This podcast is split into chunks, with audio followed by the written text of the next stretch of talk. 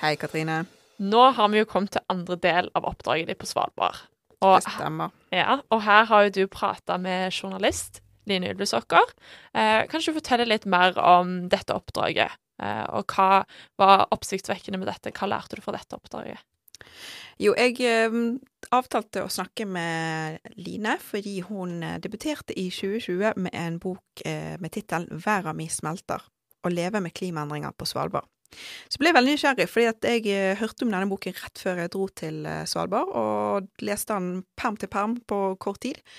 Og det var en sterk historie, for den begynner med dødsskredet i 2015, som eh, eh, tok livet av en familiefar og eh, to år gammel jente.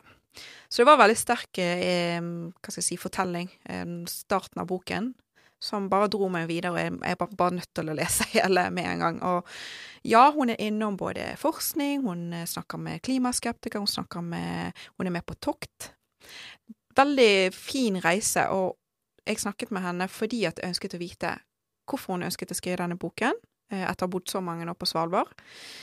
Og ikke minst hva hun satt igjen med, eh, fordi at hele hennes ønske for å skrive denne boken var at hun ville vite om det rett og slett var lurt og eh, trygt å bo på Svalbard med klimaendringer. Hun ble veldig bekymret etter dødsskredet og veldig milde vintre. Um, Svalbard, altså Longyearbyen måtte jo sette inn flere tiltak for å sikre byen mot uh, is... Uh, snøskred. Og uh, ja, hva som vil skje med, med fremtiden der. For det er jo, Svalbard er jo et eneste stort paradoks.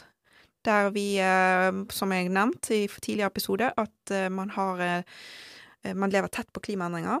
Det er egentlig det eneste stedet i Norge der man kjenner klimaendringer mest på kroppen.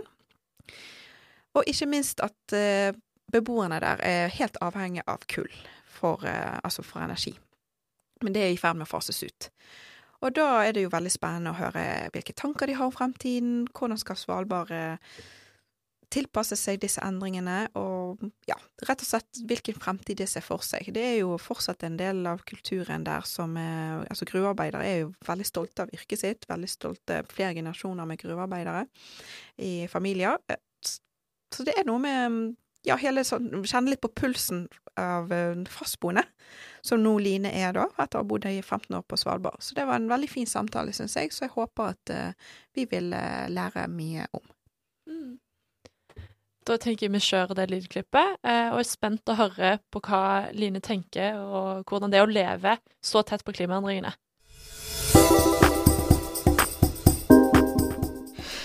Ja, vi begynner med litt enkle spørsmål. Eh, navn og jeg håper jeg, si bosted og alder.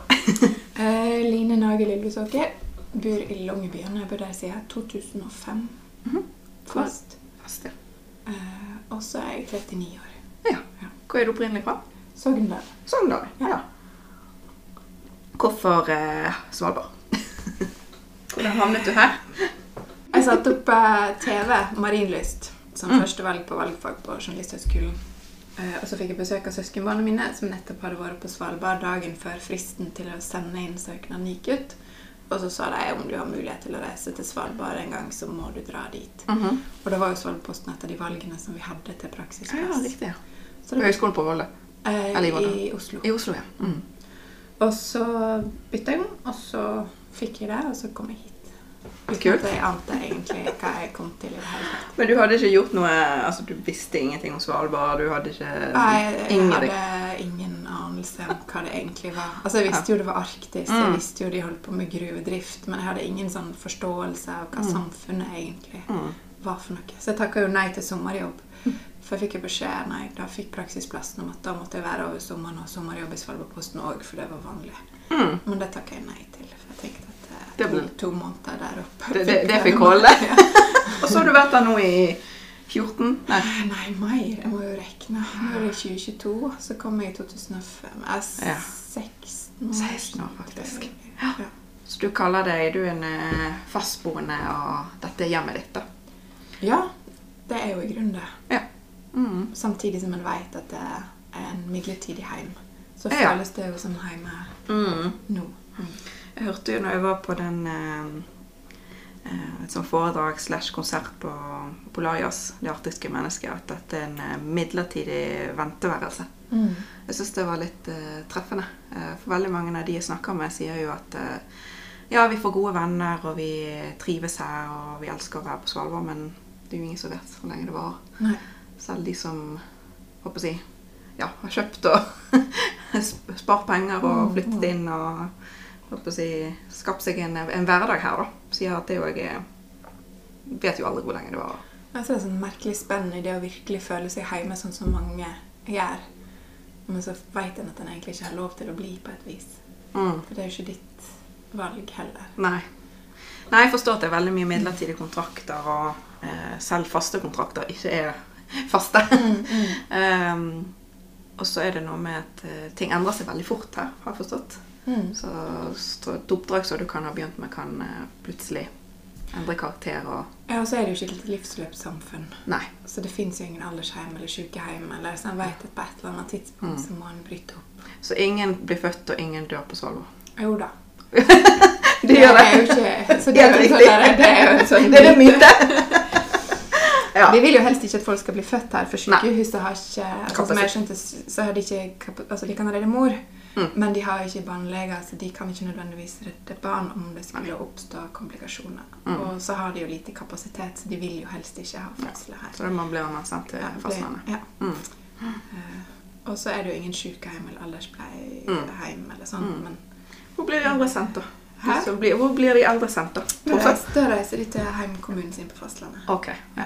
Så du har alltid en hjemmeadresse, Ja. på en måte? ja, eller heimland. Så det er jo de som skal oh, ja, ok. De som skal ta hånd om deg. Du kom jo hit som eh, journalist, Mm. og har jobbet med mye diverse, hørte jeg i går da. Eh, Men hvilken, eh, hvis du kan si et sånn gjennomsnitt av saker du har jobbet med, altså hva, hvor er spennende? Åh, det er et veldig stort spenn. Altså, når du jobber i lokalavis, så må du jobbe med alt. Så jeg har jo jobba med lokalpolitikk, med storpolitikk, med eh, altså natur og miljø og forskningssaker. Eh, og jeg har jobba med eh, ja, mer med samfunn, altså litt sånn kritiske spørsmål til ulike næringer her. har jeg Mm. ganske tett med. Mm. Eh, og så av og til da muligheten til å skrive portrett og lage reportasjer og Mm. litt mer sånne lystsaker ved siden av.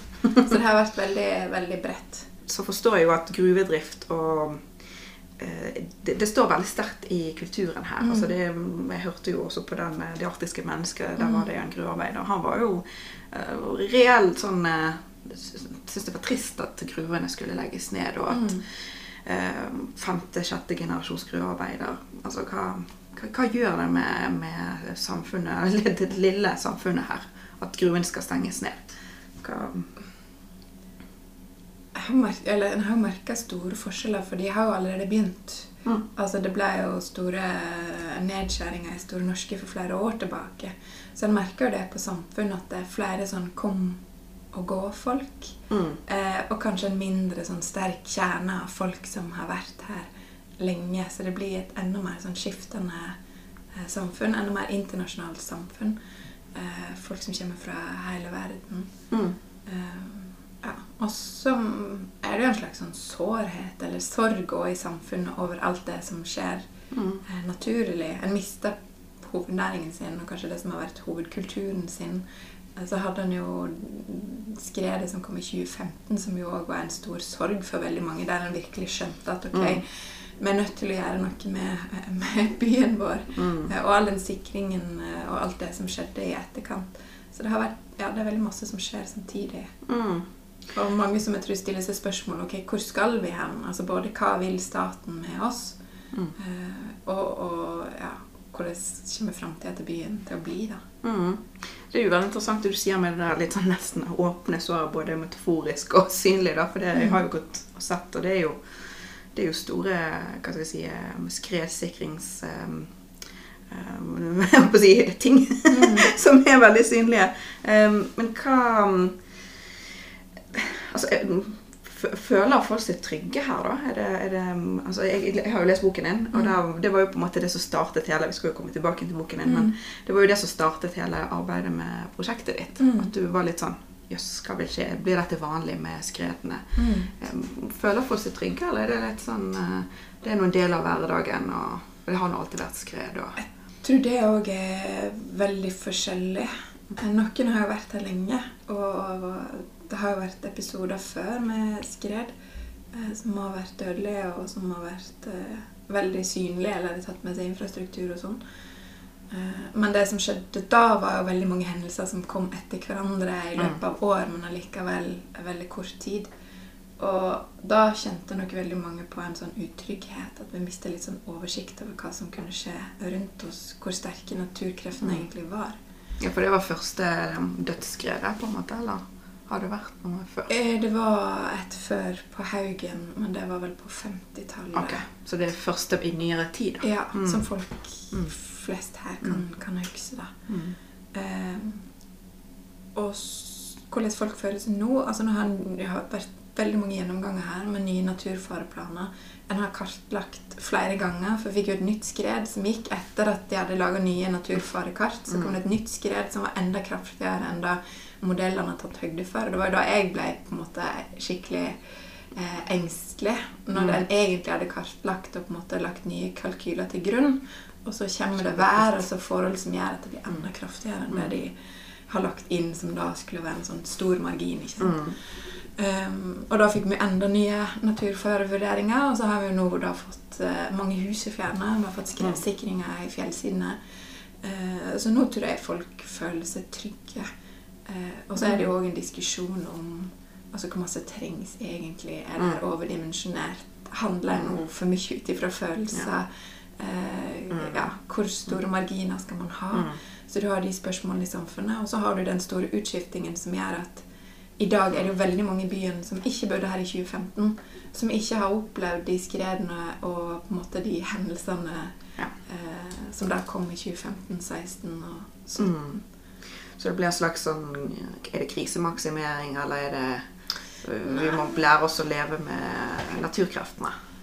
Ja, også litt sånn der eh, eh, kost-nytte-perspektiv, ikke sant? Det er for hvem sitter med regningen. sant? Ja, og, og trenger en virkelig å dimensjonere for eh, så kraftige hendelser som Mm. man gjør. Altså, det er veldig mange ulike folk stiller seg ulike Mm. spørsmåla. Ja.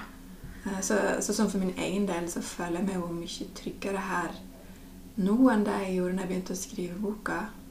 Eh, Både pga. alt som er gjort med kartlegging og sikring, men også pga. min egen forståelse av Mm. hva som skjer. Altså hvorfor får vi det været? Mm. Hvordan kan det bli? Hvordan kan vi forvente at det blir i framtida? Så jeg er på en måte liksom mentalt forberedt eller, eh, og, og skjønner sammenhengene da. Men jeg syns det er mer skummelt nå med å se det været vi har hatt på fastlandet. ikke sant? Alle de skredene som har gått i Nord-Norge, over Vega, Mm. På Heim i- Vestlandet. Heim i Sogn, ikke Ja. sant? Så der har du utrolig mange områder som ikke er sikre, som man ikke har varsling på, og som, som Ja. eh, det må gjøres noe med i Ja. framtida. E6 er vel den mest rasutsatte, den mest rasutsatte veien eh, i hele Europa, har jeg lest. Men eh, fortell litt om eh, eh, Jeg vil høre masse om eh, boken og arbeide med boken. Men eh, bare for ikke slippe den skredtematikken. Mm. Um, har du blitt noe klokere om dette faktisk var klimaendringer, eller er det vær, vind, og eh, regn, nedbør? Um, kan man egentlig sette strek under at dette var en eh, klimahendelse? Altså, jeg, jeg er jo ikke forsker sjøl, så jeg støtter meg til det forskerne sier. Eh, og min forståelse nå er jo at det her er jo et værfenomen som eh, Når de blir satt i sammenheng, det skredet som gikk i 2015 med jord- og flomskred som kom i 2016, nytt snøskred i 2017, Mm. så henger det sammen med klimaendringer. Jo mer varmere det blir, eh, jo mer nedbør kan det bli av alle typer, og jo større sjanse er det for at det går skred. Mm. Eh, jo mer permafrosten tiner i bakken, eh, jo større sjanse er det da for når det kommer masse regn, eh, at det vil gå nye jord- og flomskred, f.eks. Så det jo, det henger jo sammen, det her. Det er jo det man ofte hører. Alt Ja. henger sammen med alt. Men vi kan komme litt inn på boken din. Jeg har jo masse spørsmål om eh, boken, selvfølgelig. Um, her har du skrevet en bok om eh, klimaendringer på Svalbard. Hvis du kan eh, nevne tre ting som var spesielt vanskelig å kommunisere, hva, hva ville det vært? Som har vært både vanskelig for deg å forstå, men også å få ned på papiret, så andre forstår. Um, jeg brukte mye tid på um, altså selve CO2-syklusen, holdt jeg på si, og det å, å forklare hvorfor har menneskeskapte Eller våre utslipp noe å si for eh, temperaturen på kloden, da. Jeg, jeg ville ha det med fordi at det blir jo sagt rundt omkring, men jeg ville jo på en måte lede folk igjennom til å lese også det for å få satt det et sted i boka. Så det brukte jeg en del tid på. Eh, og det å skjønne havet Mm. brukte jeg masse tid på. Altså alle prosessene og strømmene i havet. Eh, det gjelder jo kanskje flere Flere av prosessene i havet. Mm. Både det med dannelsen av det her tunge, kalde kjølesløyfa. eh, som da starta her i Arktis, eh, men også eh, ja, strømmene og det som skjedde med Isfjorden. Fordi at der Jeg hadde lest om det. sant? Jeg var journalist her siden det her varme vannet kom inn, men jeg hadde enda ikke egentlig skjønt hva var det som skjedde. Altså Hvorfor fikk vi varmt atlantisk vann inn i Isfjorden, her som vi hadde hatt da kaldere arktisk vann før? Hva var det egentlig som skjedde? Så det brukte jeg veldig masse tid på, på å finne ut av. Og spørre ulike oseanografer for å lage bilde i mitt eget hode, som jeg da prøvde å Mm. eh, Eller som jeg ville gi videre til, til andre. Men da har jo du brukt er det ett år på research, cirka? Ja. Ja. Og det har jo de aller færreste ja. vanlige dødelige mulighet til. Eh, så du skjønner jo at det er vanskelig for hva skal jeg si, alminnelige folk å forstå disse prosessene, for de er jo Mm, mm, ekstremt vanskelige og mm, ekstremt krevende. Mm. Men vi som jobber med kommunikasjon og eh, skal prøve å gjøre dette mer eh, lettfattelig og forståelsesfullt holdt på å si, for enhver Hva er liksom Hvordan skal vi på en måte bevege oss i dette her uten at Og det er noe jeg har brukt mye tid også på å forstå sjøl. Fra dette her veldig vanskelig store, komplekse fortellingene som forskere sitter på, og all den kunnskapen, og så få det ned til noe som er eh, si, Som vi kan forstå og tygge og komme oss gjennom Mm, den mm. vanskelige materien. Ja, og det er jo veldig vanskelig, og det er veldig vanskelig å vite hvor en skal legge den lista, fordi folk er så utrolig forskjellige. Mm. Så det jeg tenkte, eller det som var målet mitt, var jo å ha en historie, en rød tråd som gikk gjennom boka, som var på en måte lett og forstå liksom, var meg sjøl, som var fangstmann, som Mm. på en måte er litt sånn morsom litt på sida, som et sånt Mm. eh, sidespark. Og så eh, gjennom det da dra leseren også gjennom de her prosessene som kan være litt kompliserte. Og der jobber jeg jo veldig med forskerne. Jeg var veldig heldig. Jeg fant Jeg snakka med forskere. Jeg hadde jo gjort litt research på det og på forhånd som lot meg forenkle. Som jeg kunne sitte og snakke sammen med om forenklinger for å liksom skjønne at forenklingen min var riktig. Mm. Og for å snakke fram bilder, da. Jeg må liksom forstå det i bilder i mitt eget hode, hvordan det funker. Så, så jeg, jeg jobber mye med de, eh, Mm. og på en måte mine egne bilder og, og forståelser for at eh, jeg skulle vite at det ble Mm. riktig, da. Enkelt, men riktig. Mm. Ja. Og det har du absolutt klart. Jeg eh, må jo skryte igjen. For jeg syns jo noen av de bildene dine var veldig fine, da. Når du snakker om mengde nedbør, og så snakker du om bøtter, og hvis du plasserer det oppå Jeg husker ikke akkurat. Mm. Jeg synes de var veldig fine. Men noen ting er jo ekstremt vanskelig å forstå. Selv for meg som har jobbet i dette feltet i ti år, Mm. må jeg gå tilbake og lese. Her, hva betydde Mm, det? Og så mm. må jeg se på et kart. og ja, det, det, er jo sånn Når jeg blir intervjua av journalister, ikke sant? og Mm. de skal stille meg faktaspørsmål som om jeg er en forsker, Mm. så det, er det jo ikke sånn at jeg føler at jeg sitter på førstehåndskunnskap om alt det her og kan svare på fakta, fordi Mm. det er jo skikkelig komplisert. Mm. Så det syns jeg da er sånn krevende når jeg har brukt et år på Mm. å liksom virkelig sikre meg at det som står i boka, og måten jeg har presentert det på, blir korrekt med Mm. alle liksom sånne eventualiteter. Mm. Så det er veldig vanskelig å skulle sitte og så liksom Mm. bare få spørsmål og så sitte og så snakke live om hva som skjer. ikke sant? Og så ser du Nå for deg du de høre. forskerne som sitter bak der og bare river seg Ja, i håret. ja, ja. Men eh, ja. Det er jo en kjempevanskelig balanse, og det har jo jeg òg eh, hatt en del diskusjoner med, med forskere som jeg eh, håper jeg jeg menger med, og det er også mye hav, havforskere i Bergen. Eh, For de mener jo ofte at eh, mediene forenkler for mye. Eh, men nå er jo du en historieforteller. sant? Du har jo prøvd å fortelle en historie. sant? Mm. Og dette var jo, som, som jeg tolker deg, en, din personlige reise. da. Mm. I å forstå klimaendringer, i å forstå hva som vil skje med Svalbard, hva som vil skje med Arktis. Mm. Em, men litt innenfor det samme temaet der.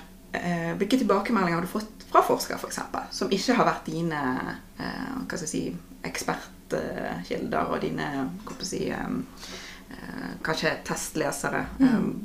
ha, ha, er, de, er du fornøyd med fortellingen du kommer med her? Jeg var jo veldig spent altså når, når jeg ga den ut, på hva, hva slags tilbakemelding jeg ville få.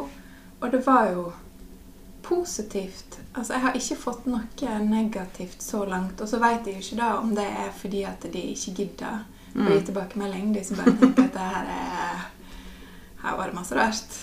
Eller, eller om det er fordi at, at jeg har klart å treffe på en måte en sånn gyllen middelvei, Mm. der forskerne på en måte syns at det var Godt, Bra- godt bra nok. Ja. ja. Mm. mm, Nettopp. For det er jo der man er så utrolig vanskelig, som du sier, å finne den uh, balansen. mm. Um, Og så har jeg jo hatt lesere som sier at det var kjempeenkelt. Nå har de endelig forstått det sant? og kommet seg gjennom Mm. det. Også unge folk på videregående, så det syns jeg jo var kjempekjekt.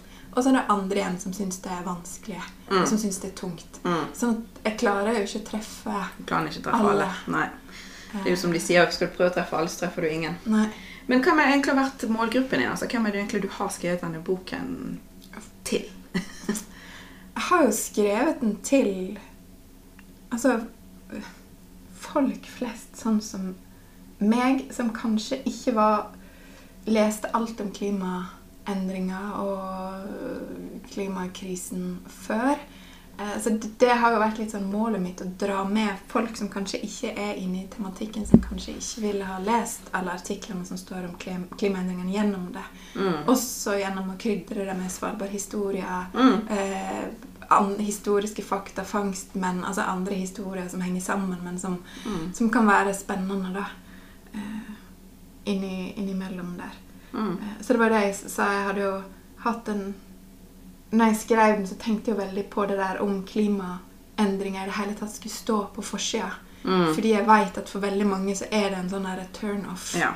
Og At det har vi lest om så mange ganger. Ja, det gidder jeg ikke å, å lese, eller det er tungt, eller Altså, har en sånn eh, forutinntatthet, holdt jeg på å si, på hva Mm. det handler om, da. Verden min smelter, det var jo den som egentlig traff meg, da. For det var sånn Jøss, ja. Det er en is og snø og er jo en del av eh, hva skal jeg si, ryggraden nesten i, på Svalbard. sant? Eh, hva skal man leve etter? når, når ikke det det finnes så mye is, eller Mm. begynner å smelte. Sant? Det er omstilling her også, da. Mm. Er det, er også ditt inntrykk? At uh, folk begynner å, å omstille seg og tenke uh, alternativer til fremtiden? Altså, nå tenker jeg spesielt, nå er jo ikke du i turistbransjen, men uh, sånn samfunnet sett under, under ett. Ja, det har jo skjedd veldig masse, og det har skjedd veldig masse i måten det blir snakka om klimaendringer og eh, tilpassing på de siste årene. Så det har blitt en mye større bevissthet i hele samfunnet. Eh, både politisk og i selskaper. Mm. Eh, så, og det har jeg liksom sakna lenge. Mm. Eh, Men fortsatt er det jo sånn at det tar jo fryktelig lang tid. Og så er det det her spørsmålet hva er grønnvasking av bransjen, og hva er det faktisk som funker? Mm. Og så har du, måte, har du tilpassing i det. Men der kommer det jo inn at det her med koronamidler og altså Det er jo klart det har kommet veldig masse midler nå òg til Mm. omstilling, til tilpassing Mm. eh, for framtiden i næringen. Så, så det òg har jo ja, sparka i gang en del prosjekter. Ja, og det er jo et kjempestort paradoks i samfunnet at Absolutt. vi ser, de klima, vi ser klimaendringene så tydelig. Mm. Eh, og så er det turisme som, som vi da vil leve av. Etter kull, som jo også er et stort paradoks. Det Ja. liksom eh, Det store paradokset er jo faktisk et av kapitlene dine, side 62. mm, Du skriver at eh, Svalbard er et stort miljøparadoks. Øygruppen ligger i det området i verden som blir varmest opprasket. Sam, samstundes er bosetningen her de som uregner mest om vi måler CO2-utslipp per innbygger. Jeg prøver på nynorsk slash bokmåloversettelse. Det var litt mislykket. I 2015 var tallet rundt 75 tonn CO2 per innbygger. Da var ikke utslipp fra fly- og båttrafikk med. Til sammenligning var utslippet til en gjennomsnittsnordmann 8,4 tonn i 2017. Nå tror jeg faktisk det er nærmere 11, faktisk. Per eh, nordmann. Mot 4,8 tonn per menneske i verden. Den viktigste årsaken til det høye tallet er kullkraft, og at vi, får, vi har få til å dele utslippene på. Er dette noe som, eh, som, som preger befolkningen her på Svalbard? Altså dette paradokset med at det er så få og det er så høy utslipp, eller er det bare sånn Vi kan nesten ikke unngå det fordi at det Det har jo vært det første, at det kan man nesten ikke unngå. Altså skal vi ha en bosetning her, så, så er vi nødt til å ha ganske store utslipp per Mm. person. Eh, og så kommer det her med gruvedriften inn igjen, ikke sant? Mm. Hvor, eh, og det er jo der jeg skulle ønske at jeg var sånn samfunnsøkonom eller et eller annet, som kunne regne på hva er egentlig best. Ja. Eh, Har det ikke blitt gjort? Hva som er blitt For nå, nå sånne, Det er lenge siden jeg har sett ordentlige kalkyler. Det blir jo lagt litt Mm. sånn ulike kalkyler. Så blir det jo Mm. lagt til grunn litt ulike eh, ja, måle, Målenheter. måleenheter Mm. holdt jeg på å si, i de eh, med frakt og liksom alt det som er rundt. da. Mm. Så For jeg har jo sett noen steder at det står at kullet her er grønneste eh, sammenlignet med andre land. Og når jeg har snakket med andre fastboende, så sier de bare ja, hva blir alternativet sant, hvis ikke vi klarer å få opp en diesel, eh, altså alternativ? Eh, å frakte kull fra Australia eller Mm, Kina. mm, Altså, mm. sant? Ja, Hvor- det- Hvordan skal det- man gjøre det? Sant? Det kommer jo ikke til å skje, da. Nei. Men det er jo på en måte Det er jo et spørsmål i det hele. Var det her symbolpolitikk å stenge gruvene på Svalbard? Fordi at det her kullet det var jo sånn industrikull. Det meste Mm. gikk jo ikke til forbrenning, det gikk til industri. Til å lage metallblokker til biler, f.eks., og, Mm. andre ting. Som det jo nok vil trenges uansett, som en da tar ut andre plasser der en behandler arbeiderne sine Mm. på en annen måte enn det en gjør på Svalbard Mm. i dag, da. Og kanskje har dårligere kvalitet på det kullet. Så det er jo òg et sånt spørsmål i det hele. Altså det er klart at vi må få ned Altså fyring med kull Mm. må jo, Mm. må jo vekk. Eller Ja. må en redusere kraftig andre plasser i verden. Mm. Og muligheten som vi har her til å lage et sånt utstillingsvindu der vi eh, blir et nesten nullutslippssamfunn på ei øy, sant? det er Mm. jo en kjempemulighet. Mm. Hva alternativer finnes det, da? Nå vet jeg at det har blitt snakket om eh, diesel. Altså til Til energi. Mm, til energi, ja. Eh, det har vært snakka om kabel fra fastlandet, som er skrinlagt. Eh, og så har det vært snakka om altså biogass. Med biogass, ja. Mm. Eh, og så er det jo da diesel, som de nå har bestemt seg for at de skal gå for. Mm. Men at han da faser inn eh, fornybare energikilder i det systemet. Så det skal være et system med batteri eh, som da gjør at en kan lagre energien. Eh, og så eh, ha mer og mer solceller. Mm. Eh, kanskje vindkraft, kanskje hydrogen. Mm. Eh, og så driver geologene, Stor Norske og UNIS, de jobber med å se om det går an å bruke bergvarme. Bergvarme, ja. Altså Mm. både som en slags termos, at du lagrer energien i Ja. fjellet, sånn at fjellet på en måte heller på varmen, og du kan hente det ut seinere. Men også geotermi, at du sender eh, væske ned i, Ja, i den varme bakken, Mm. og så opp igjen, og så bruker du det til oppvarming. Sånn at du kan fortsette å bruke fjernvarme med gatene og alt det som vi har i, Mm. i byen i dag. Da. For det er jo en av de store utfordringene. Altså hvordan skal vi varme opp husene? For i dag har jo det vært eh, altså sånn restevann, holdt på å si, fra Energiverket. Ja. Okay, Ja, for alle har sentralvarme, har forstått. Mm, mm, mm. Jeg merket det veldig fort, apropos da, den dagen, den morgenen det var um, strømbrudd. Mm. Da blir det veldig fort kaldt. Mm. Altså alt, alt Ja. går på fjernvarme. Ja. Så, så det er òg noe de må finne ut av. Og så er det jo klart at eh, Jeg skulle gjerne òg ha sett en sånn kalkyle på hvor mye Hvor høyt energibruk trenger vi egentlig. For det er jo Mm. fryktelig dårlig isolert. Altså Mm. alle bygg fryktelig dårlig bygd, veldig dårlig Mm. isolert. Altså det lekker jo på veien fra Energiverket til Mm. husene i Nettopp. rørgatene også. Altså det er jo kjempestore varmetap Mm. eh, hele veien. Så det er jo fryktelig masse som jeg kunne gjort i Ja. denne byen for at det, at det skulle bli bedre, da. Så det er jo Mm. bare å begynne, tenker jeg. Det liksom, Ja. det er ikke noe Men det er fint det du sier med det utstillingsvinduet da. Hvis eh, Svalbard klarer det, da må jo Mm. andre det også. Ja, for det er jo den modellen med sirkulær økonomi, ikke sant? Det er jo Mm. veldig mange steg man kan ta Mm. i det. Mm. Og Og så er det det selskapsdrift kan, Mm. kan en drive Longyearbyen uten vekst. Sant? Mm. Kan en ha et sted der du har selskaper og privat næring mm. uten at alle skal hige til vekst? Ja. Altså. Det er veldig mange ting jeg tenker Ja, kunne ha jobba med og gjort det Ja. som hadde vært kjempespennende Mm. her oppe. Vi kan komme her og være supergrønne og miljøvennlige, men så ser vi at hverdagen her krever jo eh, infrastrukturen, Mm. eh, oppvarmingen, som du sier. Sant? Det er mange ting å, å ta tak i, og det er jo ikke et enkelt svar. Det er ikke et, jeg håper å si, to streker under samme fasit-svar. um, Og så har du det spesielle med Svalbard at eh, alt blir bestemt fra Oslo. Ja, hva Så, ta- ja, en, en jo- en blir jo styrt i mye større grad fra Oslo, og hva eh, regjeringen og Stortinget vil med Svalbard. mm, Så det er, jo det er jo litt andre strukturer som ligger over oss, enn som ligger over en vanlig kommune på fastlandet. Geopolitikk Ja. eh, må jo være Ja. en eh, stor del av det. Det er kjempeinteressant. Det, det var jo mange ting jeg på en måte ignorerte før jeg kom hit, og jeg begynner å få en litt mer forståelse selv, Mm. selv om det bare har vært her ti dager. Um, jeg syns jo det var utrolig artig med han fangstmannen i boken. Jeg, jeg, fikk veldig sansen for han. Men jeg fikk også litt sånn um, forståelse at han var litt ja, Kanskje ikke klimabenekter, men kanskje litt sånn skeptisk til at vi skal kalle alt klimaendringer.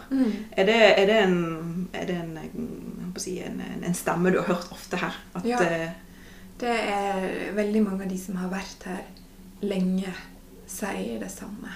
mm, Uh, og, og så tenker jeg at det har jo det har to, eller sikkert flere årsaker, kanskje to hovedårsaker. Men den ene er jo at altså, det har jo, forholdene har jo vært veldig varierende her oppe. mm, Og det var jo òg noe av det jeg ville finne ut med boka, for jeg tror at folk heller på de synspunktene så lenge ikke de får en forklaring på hvorfor det ikke stemmer, da, eller hva er det egentlig som har skjedd. For alle sier jo men det var jo varmt på 30-tallet òg, ikke sant. Du ser, leser jo i fangstmålsbøkene at de mm. sleit, de kom seg ikke over fjordene. Altså, Mm. det her samme har jo skjedd før. mm, Det går i sykluser, ikke sant. Sånn har det alltid vært. mm, Eh, Så det var jo noe av det som jeg jobba mye med. Hvordan skal jeg forklare at eh, det som skjer nå, det er vi eh, i stor grad skyld i, men samtidig så pågår det da naturlige prosesser som gjør at mm, strømsystemene og alt det Mm. her går i sykluser, som gjør at vi da svinger inn i varme og kalde perioder. ikke sant? mm, Så det det, jeg syns det var litt viktig å ha med den kompleksiteten i boka, fordi at jeg sjøl blir irritert over å ikke få, få svar på den typen spørsmål. mm. Fordi da, da føler du deg jo litt sånn fordumma og litt eh, Har det vært spesielt vanskelig å snakke med de som er ja, klima, kall det klimaskeptikere, klimafornektere um, Mange navn. Men er det spesielt vanskelig å snakke til de fordi at de har en sånn Men det har nå alltid vært sånn, og det, det er en natur... Egentlig så har det gått veldig bra. Mm. Sånn som Harald, han er jo en utrolig fin fyr, men han er jo en kverulant, sant? Så han gir jo veldig masse motstand Ja, ja. i alt. Mm. Eh, Setter spørsmålstegn Og, ja, og det tenker jeg er Mm. viktig, sant? for da må en jo forklare, da må en jo på en måte Mm. tenke over, så må en bli veldig bevisst da, Mm. på hva en sjøl mener, og tenke hvorfor Mm. det er som det er. Mm. Eh, og ellers når jeg snakker med de rundt omkring i byen, så, så går det an å ha helt vanlige samtaler om det. Det er ikke sånn at det liksom er ugreit, eller Mm. eh, Og de leste boka. De, satt, de sitter jo ved et sånt bord på Fruene, og Mm. jeg satt der og signerte når boka kom. Så da måtte de jo kjøpe de også, da. eh, og da var jo de kommentarene jeg fikk etterpå, var sånn Ja, du blei sjøsjuk, ja. Sånn. så tenkte jeg yes, da har de iallfall lest dit, Ja, og det er jo ja, over halve boka. Og ja. det er superbra, og det var det de hang seg opp i. sant? Det var ikke Så, så da tenkte jeg at da har jeg nådd enda fall, et mål uh, med Har Harald lest boken? Ja, ja, ja. Så gøy. Ja, nei, Ja, han var fornøyd. Ja. Um, ja, hva skal jeg spørre nå? Nå kommer jeg litt ut av det. Uh... Jeg er ikke helt enig, da. Om, Nei, nei, om nei, men det er jo greit. Eller menneske... ja. Men vil du anbefale folk å snakke med de som mener noe annet, eller som har et annet synspunkt enn deg? Er det, er det fruktbart, eller er det sånn øh? For jeg har vært veldig delt i, i, i løpet av min karriere så har jeg vært litt sånn åh, jeg orker ikke å ta mer i klimaskepsis. For det var jo noe jeg begynte med når jeg begynte å forske på, eh, på medier. Så var det klimaskepsis og klimafornektere, hvilken plass de har i mediene og i debatten. Men så ble jeg litt sånn lei. Jeg, jeg, jeg er ikke ferdig med den debatten. Jeg er ikke ferdig med å sette spørsmålstegn på um, um, konsensusen og uh, f- 97 av forskerne mener. Jeg følte meg veldig ferdig med det. Men så har jeg endret litt mening fordi at eh, vi kan liksom ikke bare nekte å snakke med dem. Eh, vi må kanskje møte dem og, og, og som du sier, eh, utfordre dem litt på, på synspunkter. Og det er jo ikke bare sunt, sånn som vi snakket om i går med elevene, å skape seg disse ekkokamrene. Altså, det er greit, jeg òg beveger meg i ekkokammer. Mm. Fordi at jeg snakker jo med de som sannsynligvis syns det samme som meg, fordi at jeg beveger meg i de kretsene. Men jeg har jo tenkt mer og mer at skal jeg få folk over og prøve å få de til å tenke litt, så må jeg kanskje snakke med de som Ja, jeg, ikke har de jeg tror en må det for å, måte, for å vite hva er deres argumentasjon. Hvor er det det stopper hen? For gjennom å vite det da, og få deres spørsmål, så kan en på en måte gå inn i det og forklare hvordan det henger sammen, og prøve på en måte å gi de som har den samme forståelsen, iallfall muligheten da, til å reflektere på en annen måte. Kanskje får en da dratt med flere inn i, eller få, få en forståelse av at shit, det her er jo faktisk alvor. Eh, og, og så snakker jeg med noen forskere som eh, også er mm, ja, ikke er enig med flertallet, da. Som òg mener at mm. eh, menneskeskapte utslipp får for stor plass i de her modellene. At det egentlig ikke har noe å si. At det vil gå i sykluser. Altså, så, eh, og som kanskje er litt sånn eh, Jeg syns det er synd at ikke det går an å ha en debatt eh, i større grad enn det man har i dag. Fordi det har man alltid hatt om forskning. Altså, det er alt, altså, man må på en måte bryne seg på hverandre for å komme videre, da. Uten at det skal være et sånt eh, at en Enten så er du med meg, eller så er du mot ja, meg. At du stempler på en måte de som er litt kritiske, eller de som ikke mener at det her har altså CO2-utslippene har så mye å si, at de på en måte blir satt i en sånn skammekrok på et vis, og ikke får være med i diskusjonen. diskusjonen. Det er òg litt skummelt. Ja. Så jeg tenker jo at uh, uh, ja, det er Mm. komplisert. det også. Kjempekomplisert. Og det er jo en, eh, en absolutt positiv og ønsket del av eh, forskningshverdagen. Mm. er jo å, å bli møtt med skepsis og, og av fagfellene diskuterer og, og gå litt etter i sømmene. Eh, men dessverre har jo skepsis blitt en sånn, som du sier, sånn at du setter det i bås, og du eh, ja, hvis du er imot eh, FNs klimapanel sine, sine resultater og konklusjoner, så er du imot oss. Og da, sant? Det, det er interessant. Altså. Jeg har um, ja, lenge tenkt at eh, nei, men det er ikke vits i, for vi får jo ikke endret de. Vi får ikke endret de som mener eh, X og Y. Vi må bare snakke med de som, de som mener at dette er mulig å gjøre noe med, og at menneskene er, er skyld i at uh, vi har global oppvarming osv. Men jeg tenker at vi må kanskje være mer åpne. Så det, det kan jeg jobbe litt mer med meg sjøl, for jeg syns det er vanskelig. Ja, jeg syns det er skikkelig vanskelig. Og Ja. jeg snakker med en av de forskerne som jeg intervjuet også når jeg jobba med boka, men det ble for komplisert å ta det inn. Mm. Og så hadde jeg allerede Harald, og så det var, det var ikke naturlig eller med temaene å ta det inn. da. Mm. Og så syns jeg også som journalist jeg vet litt for lite om de her miljøene. sant? Mm. Hvem som er hva for noen miljø, hvem er i altså, hvem er det som driver lobbyvirksomhet Mm. for å påvirke for næringen? Hvem er det som faktisk er på en måte frie forskere og tenkere? Altså, eh, Så det hadde vært nesten som en, en helt annen jobb eller en større oppgave da, å kunne gå inn i den materien og på en måte Er du- er skrive mye den sida. Ja. Jeg snakka iallfall med flere for å få litt ulike tanker og perspektiv. Mm. Nå har jeg jo Harald inni der som er litt skeptisk. Han ene matrosen på båten Ja, er jo også det. Mm. Eh, og jeg følte jo på en måte at de De stilte kanskje mer de spørsmålene som den leseren jeg ville treffe, gjør, på en måte. At de var de Vanlige folk. Ja, vanlige folk. Mm. At det på en måte var det jeg ville eh, forklare, eller på en måte ja, Mm. Skjønne Ja. sjøl, da. Ja, ja, I arbeid med boka. Liksom. Og så var det fint at det var eh, et generasjonsgap der. sant? Ja. Eh, du har Harald som er en eldre kar, og så har du han matros som er ung. Mm. Eh, hvordan snakker man med de forskjellige eh, ja, de forskjellige generasjoner, rett og slett. Og det er jo noe som vi har da diskutert i, sammen med elevene. Hvilken lærdom den prosessen med boken og manuset har vært for deg? Hvilken lærdom tar du med deg videre? Eh, Hva som har vært viktigst for deg i, i arbeidet med den boken? Altså kunnskapen om klima og klimaendringer, tenker du? Eller? Ja, men også sånn, for jeg, sånn som jeg forsto, og jeg nevnte at dette, sånn som jeg leser det, er det en personlig reise også. sant? Mm, At du mm. ville forstå, men du ville òg få litt ro. sant? Mm. Eh, Hva har vært viktigst for deg og, med arbeidet i denne boken? Har du, føler du at du har utviklet deg fra du startet til du var ferdig med, med Ja, manuset? ja, det føler jeg. Eh, Jeg føler at jeg har fått en mye større forståelse for eh, naturprosesser. Altså hvordan havet og atmosfæren funker, hvordan de virker på hverandre. Hva som egentlig skjer med værsystemene. Mm. Eh, og ja, i hvor stor grad klimaendringene vil føre til ekstremvær. Eh, også på den nordlige halvkule. Mm. Og hvordan temperaturendringene i Arktis da påvirker været egentlig på hele den, eh, den nordlige halvkule. Så, så det har vært veldig sånn ja, fint for meg å forstå. Men mest av alt kanskje det her med eh, byplanlegging.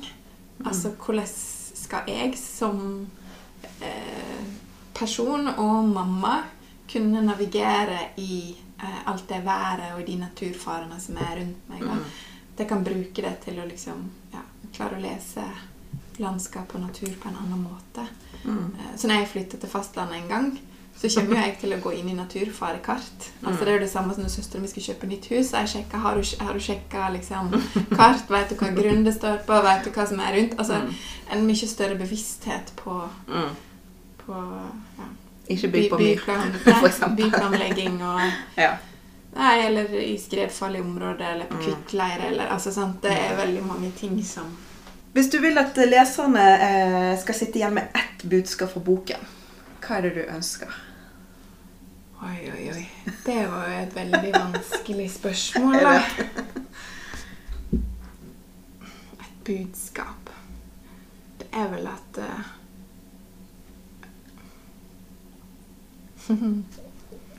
Kan være så stort og så lite som Ja, du ja, ja. Det er liksom eh, kjempespennende. Jeg tenker vel at uh, viktigste budskapen er jo at vi vi bor jo på denne kloden sammen. Det som skjer her hos oss, påvirker alle. Så vi Mm. må, hver og en av oss må eh, ja, bli bevisst på påvirkningen den har på naturen rundt seg. Mm. Og prøve å justere. Altså prøve å påvirke verden til å bli bedre. Det er vel det jeg håper folk skal Mm. sitte igjen med. Mm. Det er et fint budskap. Ja. Og helt til slutt, er du en pessimist eller en optimist? Jeg er vel en pessimist. Hvorfor det? Nei Og det var jo det som var tungt med å gå inn i alle de her eh, dataene, er jo at alle piler peker jo feil vei. Alle snakker om at en vil snu, at en skal få ned utslipp. Men så blir det jo ikke gjort. Mm. Eh, en klarer det jo ikke. Mm. Fordi at vil, altså, en er ikke villig nok til å snu de store systemene. Mm. Altså, Vi blir fortsatt flere folk. eh, Det er fortsatt vekst vi skal styre etter. Altså, Alle de her store strukturene de, de går jo feil vei. Mm. Eh, og det syns jeg er ganske skummelt Mm. eh, å se. Mm. Så eh, ungene sier at jeg er pessimistisk. Sånn, 'Pappa er optimist, han er veldig morsom. Mamma er pessimist.' Stiller litt mer kritiske spørsmål. Men jeg liksom Fint å ha den balansen. Håper jeg sier at mamma er realist. Ja, altså jeg syns vel det går Jeg er, Mm. nok mest i pessimist. eh. Ja. Jeg, jeg kjenner meg veldig igjen i det. Jeg s- pleier å si at jeg er miljøskadet av alle rapportene jeg har lest. Ja. Det blir veldig vanskelig å være optimist. Da skulle jeg nesten ønske, og Det er derfor jeg prøver å prate med unge folk som gjerne er litt teknologioptimister. og bare, åh, jeg skulle ønske. Men jeg, jeg føler Ja, jeg vet ikke. Det, det, det Altså, tenker Det henger jo ikke bare sammen med teknologi. Nei. Vi er nødt til å altså det, En må jo tenke økonomi. altså Det er jo helt andre fag òg som Ja, må kobles inn i det her for at strukturene virkelig skal Ja, ja, ja. endre seg. Eh, og Mm. der er det jo kjempestore motkrefter som, som Mm. jobber imot. da. Det er så, så riktig det du sier, alt. Det, nei, men eh, vi- kanskje vi heller skal kalle oss for realister.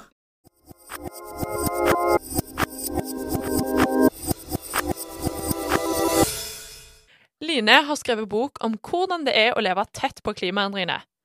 Hva kan ditt bidrag være til en god klimasamtale?